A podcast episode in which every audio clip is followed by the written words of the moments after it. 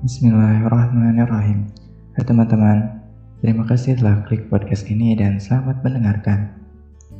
Alhamdulillahirrabbilalamin. Segala puji bagi Allah Rabb semesta alam yang senantiasa memberikan kepada kita, yang senantiasa mencurahkan kepada kita kenikmatannya. Sehingga sampai kesempatan kali ini kita masih diberikan kesehatan.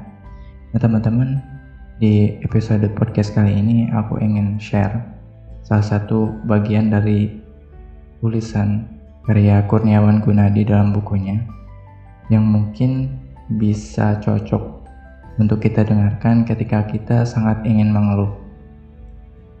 Judulnya adalah Kehidupan di Luar Dirimu. Bila masalah hidupmu masih seputar persoalan patah hati, banyak tugas, dibenci orang, susah mudik, makan tidak enak, sakit perut, kehabisan uang bulanan, tidak bisa ganti HP terbaru, tidak bisa jalan-jalan keluar kota dan se dan sejenisnya.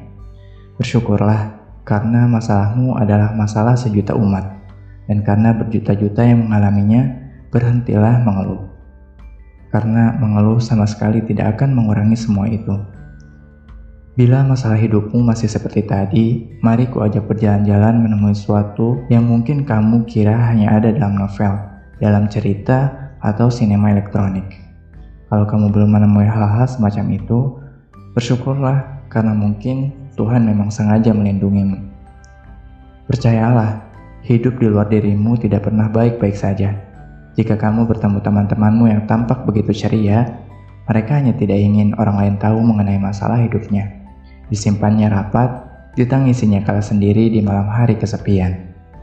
Kamu harus tahu sejenak bahwa hidup di luar dirimu tidak pernah baik-baik saja. Di luar sana, di luar dirimu, orang lain mengalami hidup yang berat Kehilangan keluarganya sejak kecil, tidak tahu siapa orang tuanya. Orang tua yang bercerai, keluarga yang broken home, rumah tanpa lantai keramik dan dinding semen, melainkan tanah dan anyaman bambu.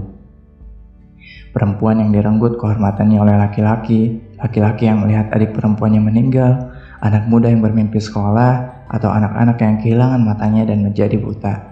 Semua itu benar terjadi dan tentu saja di luar dirimu terjadi pada orang lain.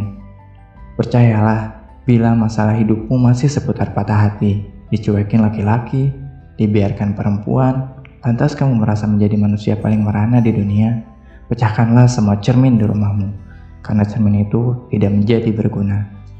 Di luar sana, kehidupan manusia begitu kompleks. Dan sekali lagi, bila kamu merasa orang-orang yang kamu temui itu baik-baik saja, kamu salah. Mereka telah belajar cara menyembunyikan kerusakan hatinya. Masalah hidupnya dan apa pun itu, mereka berusaha membahagiakan dirinya sendiri. Lalu di waktu-waktu tertentu mereka menjadi tidak berdaya dan kamu tidak akan pernah tahu itu. Karena kamu mungkin tidak pernah bisa menyaksikannya, sebab mereka akan selalu menyembunyikannya. Nah itu dia teman-teman tulisan yang menurut aku salah satu part terbaik dari buku ini. Bukunya tentang kumpulan cerita gitu tapi isinya benar-benar bermakna. Sederhana tapi bermakna tanpa menggurui. Ya mudah-mudahan tulisan yang aku bacakan ini bisa menjadi sebuah semangat dan menjadi sebuah kesadaran untuk kita agar senantiasa bersyukur bahwa ada banyak hidup di luar kita yang tak seberuntung yang kita miliki. Terus ada lagi tulisan di dalam buku ini yang nulis kalau misalkan apa yang kita miliki adalah apa yang terbaik untuk kita, bukan untuk orang lain. Begitu juga apa yang orang lain miliki adalah yang terbaik untuk mereka, bukan untuk kita.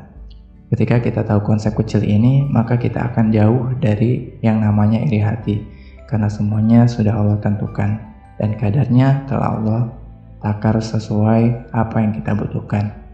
Sekian saja episode podcast kali ini, mudah-mudahan bisa menginspirasi kita semua. Dan ini bisa didengarkan ketika kita sangat ingin mengeluh. Mohon maaf apabila ada kekurangan. Sampai jumpa kembali di episode podcast selanjutnya. Terima kasih telah mendengarkan.